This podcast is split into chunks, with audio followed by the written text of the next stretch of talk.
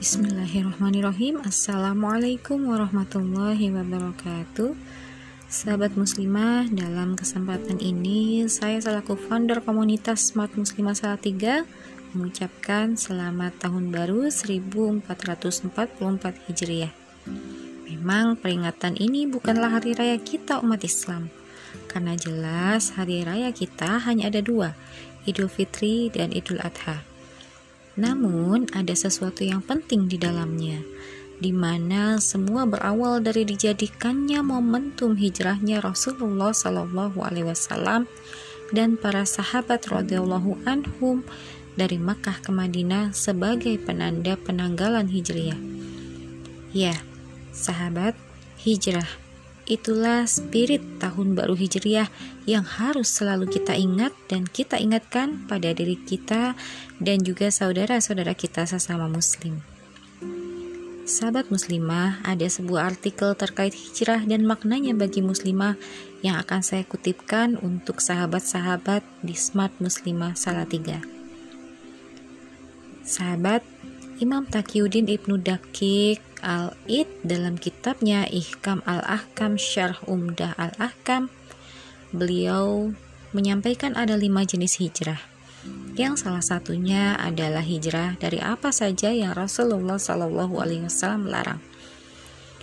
Mana hijrah yang disampaikan oleh Imam Taqiyuddin Ibnu Dakik Al-Id ini selaras dengan hadis Rasulullah Shallallahu Alaihi Wasallam Muslim itu adalah orang yang menjadikan muslim yang lain selamat dari lisan dan tangannya. Al-muhajir atau orang yang berhijrah adalah orang yang meninggalkan apa saja yang telah Allah larang. Hadis riwayat Bukhari. Sehingga hijrah adalah meninggalkan kemaksiatan yang Allah larang menuju ketaatan yang Ia perintahkan.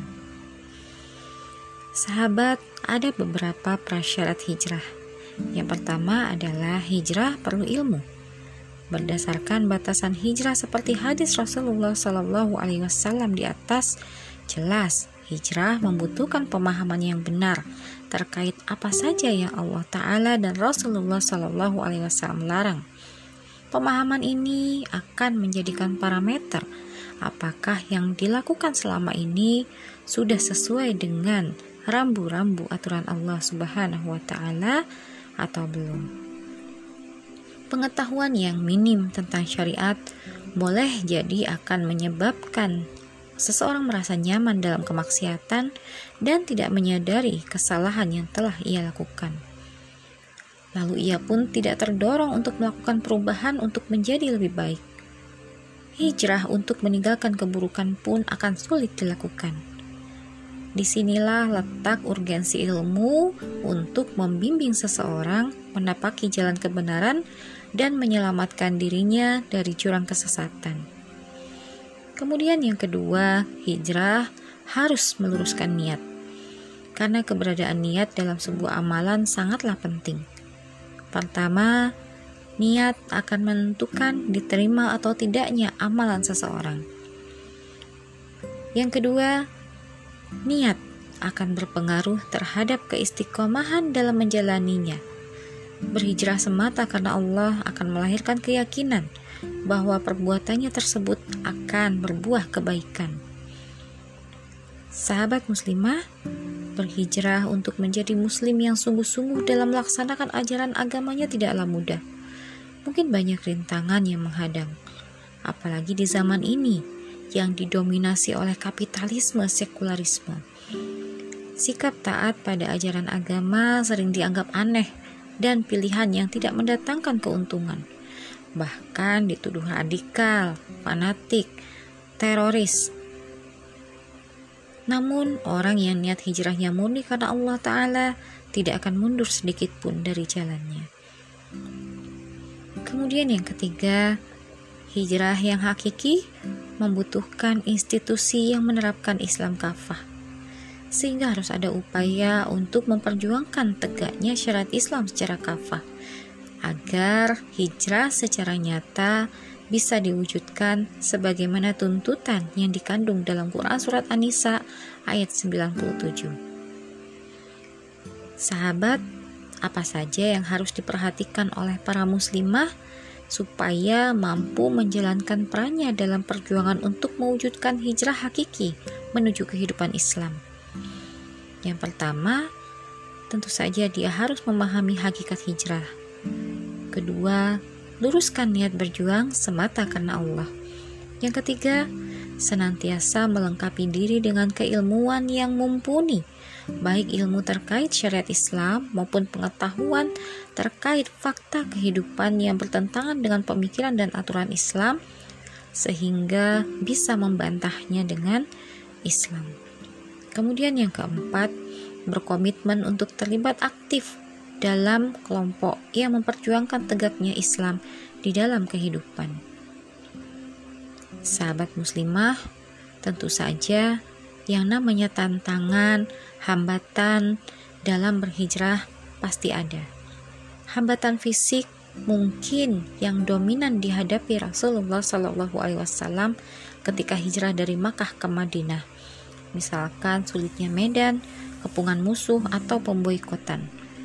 Namun sekarang sudah berbeda zamannya Muslimah sekarang mungkin tidak terlalu diancam secara fisik sebagaimana Sumayyah yang disiksa karena mempertahankan keimanannya atau Asma binti Abu Bakar radhiyallahu anha yang harus bolak-balik dari Makkah ke Gua Sur padahal beliau dalam kondisi hamil besar.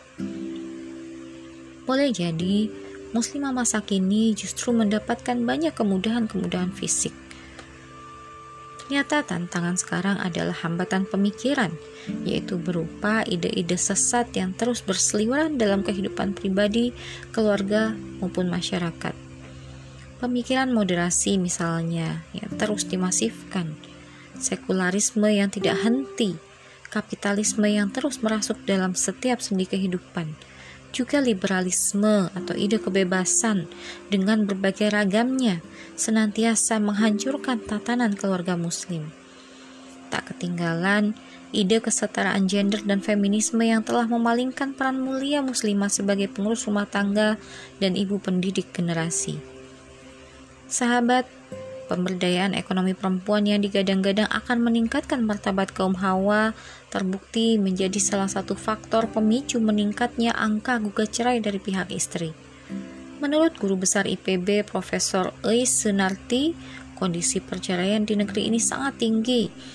Ada sekitar 1.200 perceraian per hari atau rata-rata 50 perceraian per jam. Ta'udzubillahiminzalik.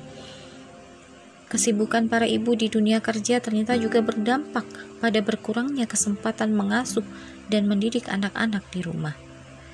Jadilah anak-anak generasi kurang kasih sayang dan perhatian yang berujung pada berbagai pelanggaran sosial seperti tawuran, narkoba, seks bebas, dan merebaknya LGBT.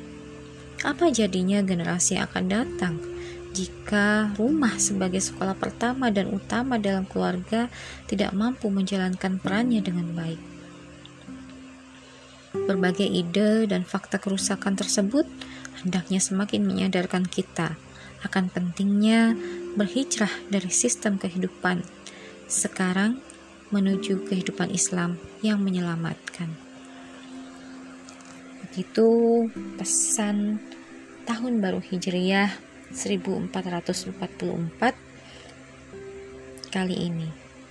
Semoga semakin menguatkan tekad dan semangat kita untuk berislam secara kafah dan turut serta mendakwahkannya di tengah-tengah masyarakat agar semakin banyak masyarakat yang sadar akan Islam, akan semakin masyarakat yang rindu akan tegaknya Islam kafah. Wallahu a'lam bishawab.